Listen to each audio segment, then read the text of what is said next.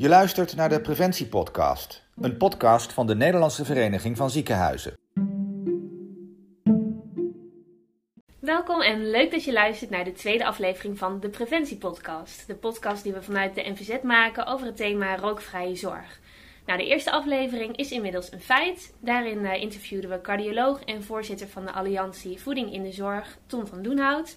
Nou, mocht je deze aflevering nou uh, gemist hebben, deze kun je natuurlijk uh, altijd terugluisteren via onze kanalen.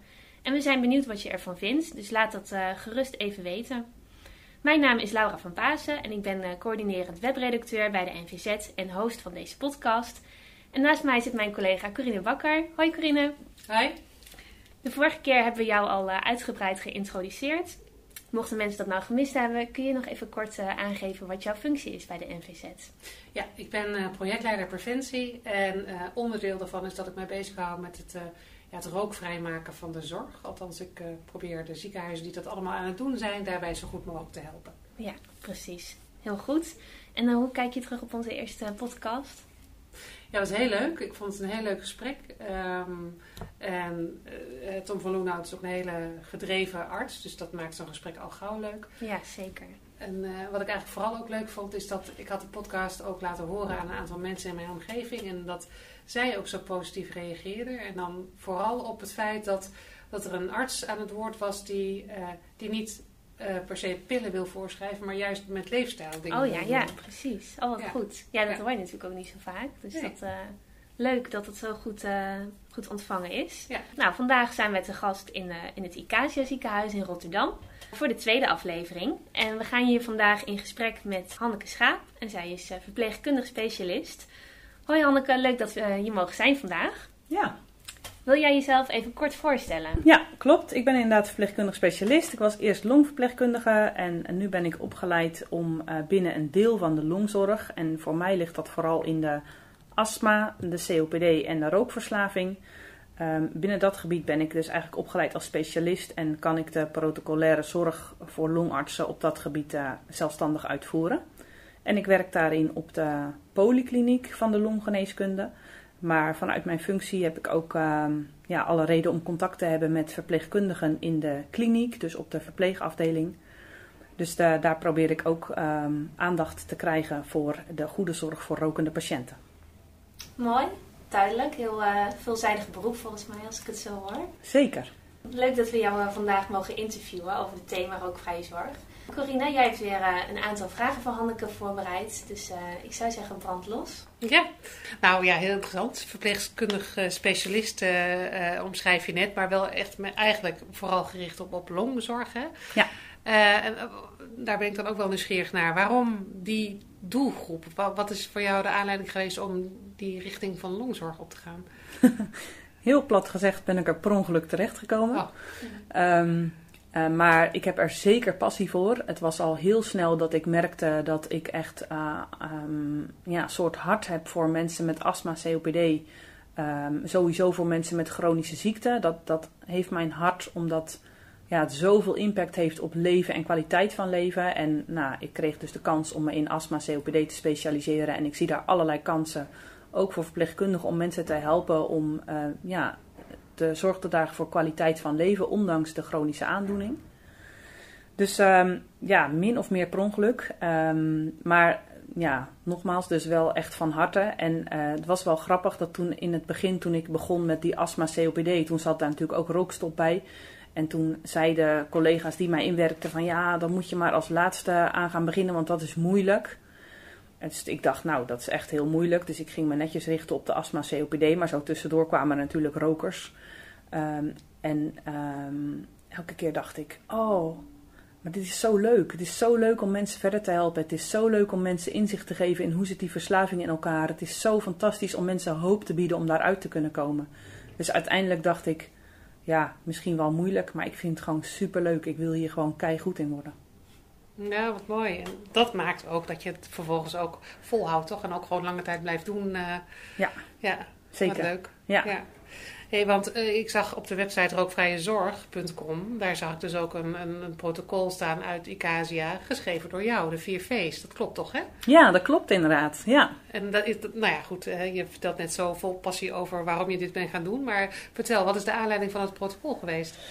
Ja, ehm, de aanleiding voor het protocol, wat me wel goed is om te weten. Er zijn natuurlijk verschillende dingen die eh, zorgverleners kunnen helpen voor goede zorg aan rokende patiënten. En ehm, die zijn veel gericht op de polyklinische setting of een huisartsensetting, zeg maar zo'n gesprek in een spreekkamer.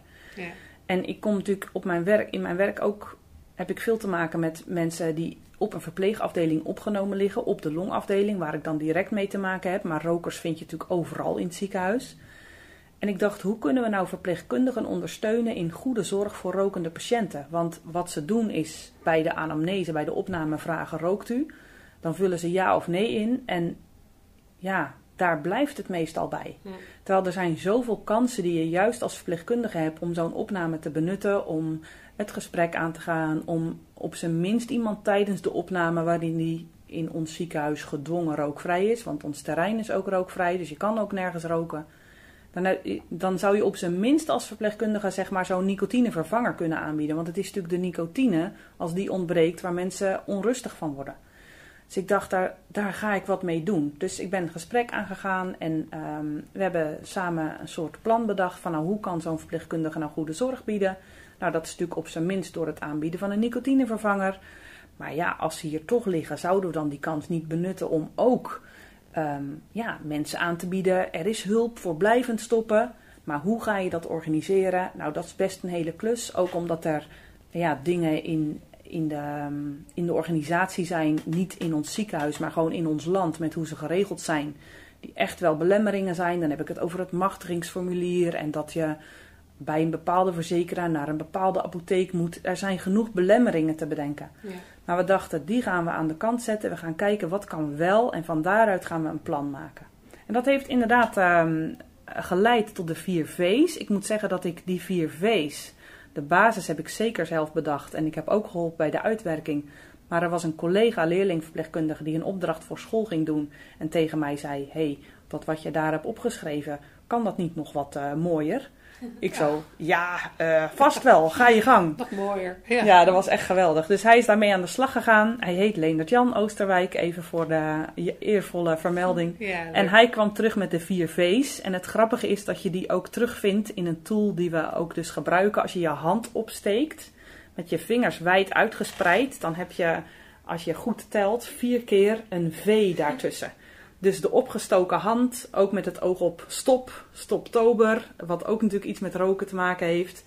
Ehm, ja, vond hij, en dat vond ik dus ook, die tool van die vier V's een hele handige. Die vier V's staan natuurlijk ergens voor.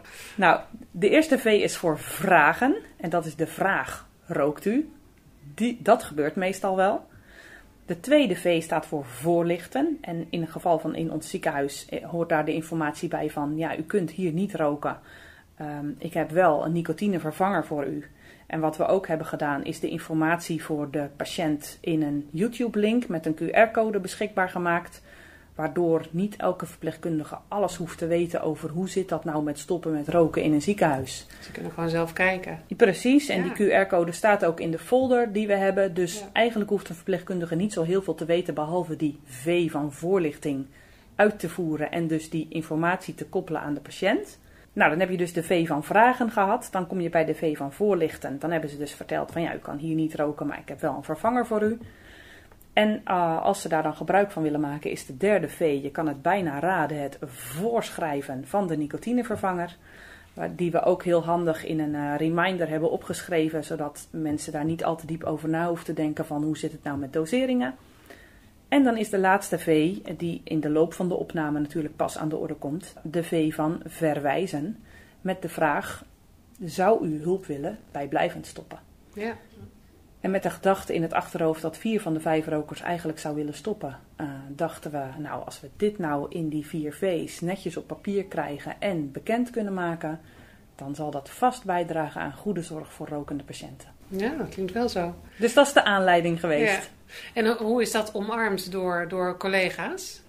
Nou, het grappige is dat eigenlijk elke verpleegkundige die erover spreekt, hier heel blij mee is. Ja. Wat je ziet bij verpleegkundigen is dat ze heel graag iets willen bieden aan die roker. Zij zijn ook degene die het meest geconfronteerd worden met de onrust van de patiënt. Ja. En ik zal niet zeggen dat artsen niet welwillend zijn, maar je ziet gewoon dat verpleegkundigen, ja, die zijn heel gemotiveerd om dit op te pakken. Omdat het geeft hen iets in handen wat ze echt concreet kunnen bieden aan die roker. Ja. We hebben er dus ook echt voor gekozen om de verpleegkundige de spil te maken in die goede zorg voor rokende patiënten. En natuurlijk heeft de verpleegkundige voor het voorschrijven en ehm, soms ook voor het verwijzen die arts nodig. Dus die arts wordt erbij gevraagd door de verpleegkundige. Ja. Maar we hebben gezegd, de verantwoordelijkheid ligt bij de verpleegkundige. Die heeft zoveel kansen, zoveel contactmomenten met die patiënt. Ja, het klinkt als een hele slimme aanpak. Ja, maar het is Ja. ook wel een soort van gat in de markt. Want verpleegkundigen hier liepen er natuurlijk ook tegenaan. Ja. Dat was al in een eerder stadium. Ja, wordt het ziekenhuis rookvrij? Zit ik dadelijk met die patiënt? Die niet mag roken. Dat kan ik toch niet tegenhouden? Nee, Mm. klopt. Als iemand echt wil roken, kan je het niet tegenhouden. Ja, Maar dat was natuurlijk ook al een aanleiding om in gesprek te gaan. Maar wat heb je wel te bieden? ja. En als verpleegkundigen gaan begrijpen, oh, maar die nicotinevervanger, die helpt, die vult die nicotine op en daardoor hebben mensen minder last van onrust. ja. Dan is elke verpleegkundige blij, want elke Ja. verpleegkundige wil iets goeds geven aan die patiënt. En, maar dit geldt dus eigenlijk voor verpleegkundigen op alle afdelingen, begrijp ik een beetje nu. Ja, ja wij, eh, wij zijn inderdaad begonnen om dat over alle afdelingen uit te rollen. Ja, En daarin zijn we volgens mij redelijk uniek. Want Ja. je ziet wel in Nederland dat er eh, projecten zijn waarbij het bijvoorbeeld aan chirurgische patiënten wordt aangeboden. Omdat natuurlijk vier tot zes weken voor een operatie geadviseerd wordt om te stoppen. Dus incidenteel en bij bepaalde doelgroepen. Maar onze doel is inderdaad dat het in het hele ziekenhuis bij alle specialismes gewoon breed uitgerold wordt. En daar zitten we nu in. Is natuurlijk een beetje gehaperd door eh, COVID-19. Maar ehm, dat is zeker de bedoeling. mooi. Hey, En, en als je, hè, want jij eh, eh, werkt natuurlijk op een, op een longafdeling. Hoeveel van de patiënten op die afdeling rookt eigenlijk? Dus eigenlijk is mijn vraag, in hoeveel gevallen is de reden dat ze hier liggen ook daadwerkelijk gerelateerd aan dat ze roken? Ja, ehm, om heel eerlijk te zijn weet ik het niet precies qua aantallen. Eh, er zijn natuurlijk ook longaandoeningen die kunnen aan ontstaan zonder dat iemand heeft gerookt. En ehm, als je kijkt naar bijvoorbeeld astma, dan zijn er natuurlijk heel veel Ja. astmapatiënten die vanwege hun astma überhaupt nooit hebben gerookt. Ja. Hoewel er zeker ook astmapatiënten zijn die wel roken of hebben gerookt. Dus het is ook weer niet logisch dat als je iets aan je longen hebt, dat je dan niet begint aan roken, om het zo maar te zeggen. Kijk, de mensen die bij ons komen op de poli, eh, de mensen met COPD, die hebben natuurlijk 9 van de 10 gerookt. Want Ja. dat is gewoon de oorzaak, de hoofdoorzaak van het ontstaan van COPD. Maar tegelijkertijd is het ook belangrijk om te beseffen dat als mensen roken, krijgen ze niet altijd COPD. Eh, er is bijvoorbeeld, dat gaat om eh, ongeveer 25, 30 procent van de mensen die daadwerkelijk COPD ontwikkelt. Maar al die andere mensen die dat niet krijgen en wel roken, die zijn intussen wel, die krijgen intussen wel schade op andere plekken in hun lichaam. Ja. Aan bloedvaten, hartinfarcten, herseninfarcten, pijnlijke benen, bloedvatproblemen. Ja, en natuurlijk nog heel veel meer gevolgen die het roken veroorzaakt. Ja. Dus de mensen die bij mij komen, ja, 9 van de 10 hebben gerookt als het gaat om COPD. Eh, bij de mensen met astma zijn er gewoon ook een aantal die nooit hebben gerookt. Dus het is ook niet altijd zo dat als je een longaandoening hebt, dat het veroorzaakt wordt door roken. En ja, ik wil echt benadrukken dat roken heel veel andere, andere aandoeningen veroorzaakt. Ja. En dat is vaak onderschat, ook door rokers zelf. Die denken vaak van, nou, zolang ik geen eh, longprobleem heb, dan ehm, doet die sigaret goed. nog geen schade. Ja, precies. en Ja. dat is natuurlijk zonde, want intussen kunnen ze niet meer opstaan of krijgen ze een hartinfarct of eh TIA.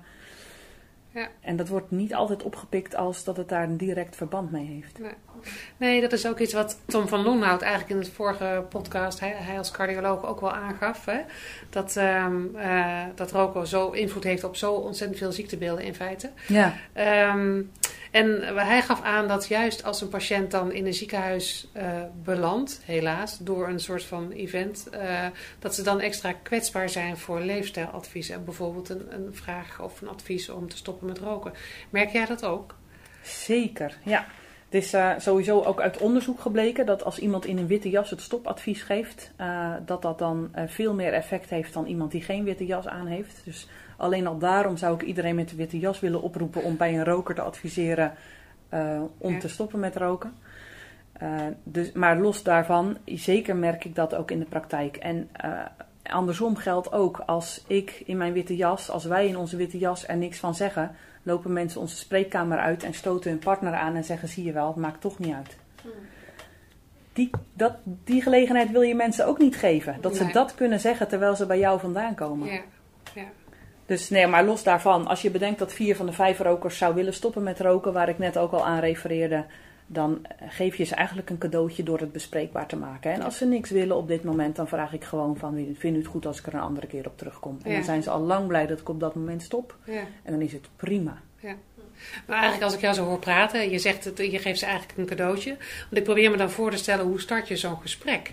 Dat lijkt, lijkt mij best lastig, maar... Ja, het is heel persoonlijk natuurlijk, als je echt op iemands ja, levensstijl, gewoonte, wat er ook natuurlijk eigenlijk is voor heel veel mensen is best wel, het lijkt me ook heel lastig om daarover te beginnen. Ja. Ja. ja, aan de ene kant. Aan de andere kant, ze zitten natuurlijk bij mij met klachten. Als ik gewoon puur naar mezelf kijk, dus dan praat ik even niet voor anderen. Ik zit in mijn spreekkamer, patiënt is bij mij gekomen en die heeft klachten. Ik vraag de gezondheid breed uit. En daar hoort ook de vraag bij of iemand ooit gerookt heeft. Als iemand zegt ja, ik heb ooit gerookt, dan vraag ik wanneer dat voor de laatste keer was. En daarnaast uh, vraag ik um, of ze nog steeds roken. Dat ligt er net een beetje aan hoe dat loopt. Want ze kunnen ook natuurlijk ja zeggen terwijl ze nog steeds roken. En dan denken ze mooi, dat is het. Dus ik vraag daarna altijd van wanneer was dat voor het laatst. Um, en als blijkt dat er actief gerookt wordt, dan ja, wat doe ik dan? Soms laat ik dan een stilte vallen. Uh, niet zelden begint dan iemand al zelf over, ja, misschien zou ik moeten stoppen. Nou, dan heb ik niet zo heel veel gedaan, behalve het stil laten worden. Maar als het stil blijft, dan stel ik wel de vraag van of ze ooit hebben overwogen om daarmee te stoppen. Uh, ik probeer hoe dan ook duidelijk te maken dat ze de grootste kans van stoppen hebben als ze gebruik maken van begeleiding in combinatie met een hulpmiddel. En ik verwijs natuurlijk waar ze daarvoor terecht kunnen. En dat kan bij ons, maar dat kan ook op andere plekken. Maar het bespreekbaar maken is niet zo heel moeilijk als mensen toch met gezondheidsklachten bij je komen. Je vraagt zo breed uit. Dus je kan die vraag gewoon tussendoor stellen. En je kan hem ook tussendoor stellen en er verder niet op ingaan. Maar ik vind dat een gemiste kans. Dus ik ga er eigenlijk altijd wel op in. Ja, ja. snap ik. Ja. Hey, en uh, wat, wat, is er eigenlijk, wat zou je nog meer als zorgverlener kunnen doen om een rokende patiënt te helpen? Zijn daar nog meer dingen? Ja, ik denk het allerbelangrijkste is dat je ehm, in je achterhoofd hebt dat het echt een verslaving is. Dat mensen niet zomaar kunnen stoppen. En ik denk dat het grootste risico van niet-rokers of van zorgverleners is toch een beetje de oordelende gedachte van uh, waarom kan je niet gewoon stoppen. Hmm. En uh, als je dat eigenlijk denkt, of als je daar ruimte aan geeft, dan um, mis je gewoon de connectie. Ja. Want die roker wil eigenlijk stoppen, vier van de vijf. Ja. Alleen die weet niet hoe. Precies. Dus mijn allerbelangrijkste advies is: um, zoek connectie en bied hoop. Bied het perspectief dat je hieruit kunt komen. En geef natuurlijk ook het advies vanwege ja. de klachten waarmee iemand bij je komt, dat het uh, ja. ook daarvoor zou helpen. Ja. Ja, dus eigenlijk een, een, echt wel een advies, professioneel advies, maar verpakt in, in eigenlijk een stuk invoeling. In, uh, ja. Ja. Als je, ja, het is echt een verslaving. Ja. Het is niet gek dat uh, maar 1 op de 20 zelf kan stoppen en 19 van de 20 rokers dus eigenlijk gewoon hulp nodig heeft. Ja. Het zijn echt enorme getallen, hè? Ja, Ja. zeker. Dus dan vind ik het wel terecht om het een cadeautje te noemen als je het bespreekbaar maakt. Mensen willen eigenlijk wel, alleen ze weten niet hoe en jij kan ze de weg wijzen. Mooi. Ook als je ze Ja. zelf niet kan helpen met stoppen, je kan ze gewoon de weg wijzen naar waar kun je dan hulp krijgen. En jij zegt, eh, probeer die connectie te maken hè, met, de, met de patiënt. Gekke persoonlijke vraag misschien, maar heb jij zelf ooit gerookt? Ik krijg die vraag heel regelmatig van patiënten ook. Ja. En eh, het eerlijke antwoord is nee. Ik heb eh, misschien ooit een pakje sigaretten aangeraakt omdat ik het voor mijn moeder vroeger moest weggooien een keertje in de auto, herinner ik me. ja. Maar nee, ik heb zelf nooit een sigaret aangeraakt. Ook niet de verleiding gehad als puber. Dus daarmee ben ik denk ik bevoorrecht. Ehm, ik krijg de vraag heel vaak terug, juist omdat mensen het gevoel hebben dat ik ze begrijp. Dat is wel heel apart. ja, dat lijkt mij dus ook inderdaad. Dat ja, als patiënt, als je jou geadviseerd wordt om te stoppen, dat je dan gelijk denkt van... Ja, maar weet je wel niet hoe moeilijk het is of zo. En dat je dat beter kunt begrijpen als je het zelf misschien hebt doorgemaakt. Ja, ik denk dat je het dan zeker beter begrijpt, omdat je het echt hebt meegemaakt. Nou, ik heb het dus echt nooit meegemaakt, maar ik leg altijd uit dat ik me heb verdiept in hoe de verslaving werkt. Mhm. En dat ik dat heel goed begrijp en dat ik al zoveel mensen erbij heb geholpen. Dat ik gewoon begrijp hoe die verslaving werkt en van daaruit begrijp hoe moeilijk het is. Ja, En ik denk juist ook omdat ik ruimte geef aan dat het een proces is en dat het niet in één keer gaat en dat het niet gewoon een kwestie is van gooi die boel weg en doe niet zo moeilijk. Juist omdat ik ruimte geef aan de moeite van dat proces voelen mensen zich gehoord. Mm. ja. Maar dan heb ik het over werk inhoudelijk, omdat het ook echt mijn werk is om ze te helpen bij het stoppen met roken. En als het gaat om eh, heel veel andere zorgverleners die dat misschien niet als directe taak hebben, die hoeven natuurlijk alleen maar door te verwijzen naar een plek waar mensen geholpen kunnen worden. Mhm. Ja, dat is ook wel anders. Daar hoef je al helemaal niet zelf voor gerookt te hebben. Nee. Maar voor Nee. mij als Ja. eh, hulpverlener bij stoppen met roken, ik krijg die vraag regelmatig. En ik voel me altijd een beetje van, eh, nee, omdat ik ja, besef dat ik Ja. het niet besef. Ja. Maar toch ja, blijkt in de praktijk helemaal niet in de weg te staan. Nee. En vragen mensen het juist omdat ze zich zo begrepen voelen. Dus Oh, ja. dat is een grappige Ja. tegenstrijdigheid Ja. eigenlijk. Ja. En, en als je dan, eh, want, want er werken natuurlijk heel veel mensen in de, in de zorg. Eh, eh, een, een aantal daarvan zal zelf ook gerookt hebben, wel, of, of misschien ook roken. Hoe reageren collega's op het feit dat, dat A, het ziekenhuis rookvrij is en B, dat je ook echt structureel goede stoppen met rokenzorg wil gaan bieden aan patiënten? Vinden ze dat lastig?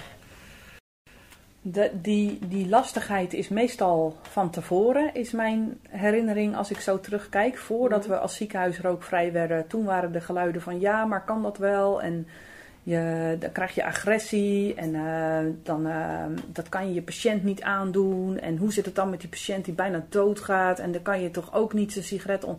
Dat soort discussies hadden we toen. Ja. Terwijl in de praktijk zie je dat die discussies eigenlijk helemaal geen plek krijgen. Als iemand echt zijn laatste sigaret moet roken, dan kan dat natuurlijk. Ja. Dat is iets heel anders Ja. eh, als dat je roken faciliteert als gezondheidszorginstelling. Ja. Dus in de praktijk loop ik er eigenlijk niet tegenaan. En ik word natuurlijk wel regelmatig gevraagd, ook door verpleegkundigen van verpleegafdelingen, met name op de kort verblijf of mensen die wachten op een operatie. En dan moeten ze weer één of twee uur wachten voordat ze toch worden opgeroepen. En als dat dan rokers zijn, die zitten natuurlijk allemaal op hun nagels te bijten, die moeten eigenlijk roken.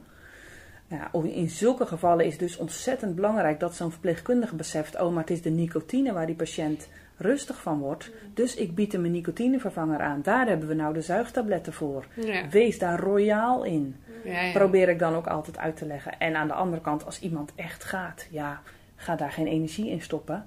Het belangrijkste is dat jij aanbiedt dat je een alternatief hebt en dat je dingen kan uitleggen. En wat iemand uiteindelijk kiest, ja, dat kiest hij toch zelf. Ja. Daar Ja. moet je geen energie aan verspillen, zeg maar. Nee. Maar in de praktijk komt dat echt maar weinig voor. Ja. Dus Maar dan adviseer ik dus altijd, ja, laat het dan gebeuren. Wij kunnen niet kiezen voor een patiënt. We kunnen alleen maar het goede aanbieden. Ja. Dus relax. Ja, precies. Nou, want dat is inderdaad, als ik bijvoorbeeld met ziekenhuizen spreek die nog onderweg zijn naar, naar rookvrij worden, dan zijn, hoor je dat soort argumenten vaak. Want dan is er een peiling gedaan onder eh, patiënten en onder medewerkers. Dan inderdaad die uitspraken als ja, maar eh, iemand, wij komen hier niet voor onze lol, we zijn ook gespannen, dan mogen we ook nog niet eens roken. Alsof Ja. het een soort van eh, ja, recht is. Of, of, hè? Maar uiteindelijk valt dat dus eigenlijk reuze mee. In de je. praktijk vind ja. ik, ja, is dat echt heel erg Ja. meegevallen. En dat hoor ik Ja. ook van andere ziekenhuizen die rookvrij zijn geworden. Dus dat zijn meer de leeuwen en beren die je van tevoren ziet. Ja, precies. Ja, dat is wat het is. En dat wordt eh, gaandeweg, eh, als het goed is, ook minder. Zeker. Dus, Ja. ja. nou ja, kijk, je hebt altijd de uitzonderingen. Ehm, maar de mensen die daar echt boos over zijn en toch per se op een bankje voor ons ziekenhuis willen roken, eh, ja, die laat ik daar natuurlijk ook zitten. Maar ik heb Ja. wel de gewoonte ontwikkeld als daar iemand zit te roken om daar even langs te rijden. Vaak is dat op mijn fiets, want dan ga, of dan ga ik of dan kom ik naar mijn werk. En dan denk ik, oh, er zit er weer een. Nou, eigenlijk moet ik zeggen, het komt heel weinig meer voor, maar in de begintijd was dat. En dan ging ik er gewoon even langs en dan eh, begon ik gewoon met iets van: Ik denk dat u het zich niet realiseert, maar het is eigenlijk niet de bedoeling om hier op het terrein te roken. Nou, Ja. 9 van de 10 kijkt je verschrikt aan, want de bordjes waren ook niet zo heel duidelijk geplaatst. Eh, zo van: Oh, oh, oh, ik dacht hier mag het wel. En dan wijs ik ze op het bordje en dan zeggen ze: Oh, sorry hoor. 9 van de 10 pakt het zo op. Maar natuurlijk heb ik ook wel eens een scheldkanon gekregen van eh, ja, wat denk je wel niet? Nou, daar ga ik niet eens over in discussie. Dan denk ik van, ik heb het gewoon gezegd en eh, dit is nu niet het moment om daar verder over te discussiëren. Ja. Ja, laat. Ja. Ja. Ja. Die mensen hebben het blijkbaar erg moeilijk op dat moment en ik wil hun leven niet onnodig moeilijker maken voor alle duidelijkheid. Nee, Dus daar ga ik helemaal niet bovenop zitten dan. nee, nee. Nou, dat is ook wel een mooie, eh, nuchtere houding eigenlijk. eh, Ja, ja. je doet wat je kan dan. Je, zegt, je, ja, je maakt een opmerking over, ja, Ja, iemand doet daar ook mee wat hij of zij wil. klopt. Maar mensen zitten vaak niet bewust op dat plekje toch te roken. Eigenlijk vaak omdat ze het gewoon niet in de gaten hebben, omdat wij Ja. als ziekenhuis niet duidelijk genoeg hebben aangegeven. Ja. Ja. We hebben het al gehad over hoe je collega's eh, reageren op het feit dat het ziekenhuis rookvrij werd en of ze dat moeilijk vonden. Nu heb ik eigenlijk toch nog één keer de vraag van wat is jouw advies aan collega's eh, en niet per se alleen hier in dit ziekenhuis, maar eigenlijk misschien ook landelijk eh, over het bieden van stoppen met roken zorgen. Wat, wat zou iemand echt ter harte moeten nemen als ze willen starten met het bieden van stoppen met roken zorg? Nou, terwijl je die vraag stelt, denk ik nog even terug aan waar we het net over hadden, namelijk die rookvrije terreinen. Eh, een andere discipline binnen ziekenhuizen, en in ieder geval binnen ons ziekenhuis, die daar heel blij mee is, is de schoonmaak. Die zijn zo opgelucht dat ze niet meer al die peuken van het terrein hoeven op te ruimen. Ze storen zich wel aan de peuken die vervolgens aan de andere kant van de blauwe lijn liggen. Maar die hoeven zij niet op te ruimen, dat scheelt. Maar dat is eh, ook nog wel echt niet te onderschatten hoe dat eh, scheelt eh, in hun werkbeleving. Dat krijg je in ieder geval van de schoonmakers hier ook altijd terug. Maar goed, Want ze vinden dat vies of ze vinden wat, wat, wat of is nou, het veel? zij zitten of- de troep van andere mensen op te ruimen. Ja, precies. Je kan ook nog denken dat iemand rookt, Allah. Maar hoe, waarom bedenkt een roker om die peuk op de grond te gooien? Wie, wie denk je wel niet wie dat gaat opruimen? Ja. Ja, dat doen onze vraag. schoonmakers dus. Ja. Ik bedoel, dat je dan nog rookt, ja, dat kan dan nog. Maar waarom gooi je dat op de grond? Ja. Wie denk je wie dat gaat opruimen? Dat vraag ik me ook altijd af als ik het zie gebeuren. Ja. Maar ja, ik ehm, heb nog niet de moed gehad om die vraag aan een roker te stellen die ik dat zag doen. Dus, maar dat zou nog een studie waard zijn. Nou, daar is veel om te doen ook. Nee, het, het Ja. verbaast mij oprecht. Ja. Net als dat ik mijn neus heb gesnoten en ik gooi mijn zakdoekje niet op de grond. Ja. Ik leer mijn kinderen ook dat ze geen afval op de grond gooien. En dan eh, rokende ouders die gewoon in bijzijn van hun kinderen gewoon die peuk op de grond gooien. Of dan sta je voor een stoplicht en dan gaat er een raampje open en dan komt er een peuk naar buiten. Ik verbaas me daarover. Maar goed, dat kunnen rokers vast beter aan mij uitleggen. Ik, ik ben daar echt nog wel eens oprecht nieuwsgierig naar. Maar dat is terzijde, dat vroeg je niet. Je vroeg wat zou mijn advies zijn aan collega's als het gaat om het bieden van stoppen met rokenzorg. Ja. Toch? ja, klopt. Ehm, nou, sowieso, eh, als je de begeleiding niet zelf kan bieden, en dat geldt denk ik voor de meeste collega's, zorg dan op zijn minst dat je weet waar je patiënten naar kunt doorverwijzen bij jou vandaan. En doe dat ook. Zo heb je geen discussies, geen nare gesprekken, maar je biedt wel hoop aan die roker. En die hoop bieden, dat is echt belangrijker dan je denkt. Ja. Dus weet waarnaar je kunt doorverwijzen en doe dat ook. Dat biedt echt hoop. Nou, dat is een hele mooie, mooie afsluiter eh, volgens Zeker. mij. Ja. ja, dat denk ik ook. Hiermee zijn we aan het einde gekomen van deze tweede aflevering van de Preventiepodcast. Hanneke, ik wil jou eh, heel erg bedanken voor alle informatie die je hebt gegeven. Ik vond het eh, heel nuttig en interessant om eh, vanuit jou te horen hoe jij ja, dit allemaal ervaart.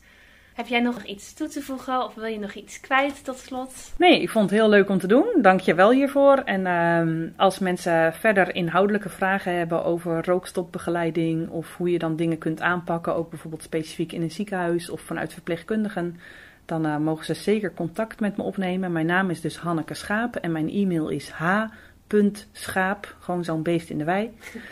En dan @icazia.nl. Oké, hartstikke goed. Dankjewel. Nou, als er mensen ook nog vragen hebben inhoudelijk over de podcast, of, eh, of misschien ideeën, onderwerpen, of eh, als je misschien zelf een keer geïnterviewd wil worden, dat kan natuurlijk ook. Dan kun je even een mailtje sturen naar podcast.nvz-ziekenhuis.nl. Bedankt eh, voor het luisteren en heel graag tot de volgende preventiepodcast.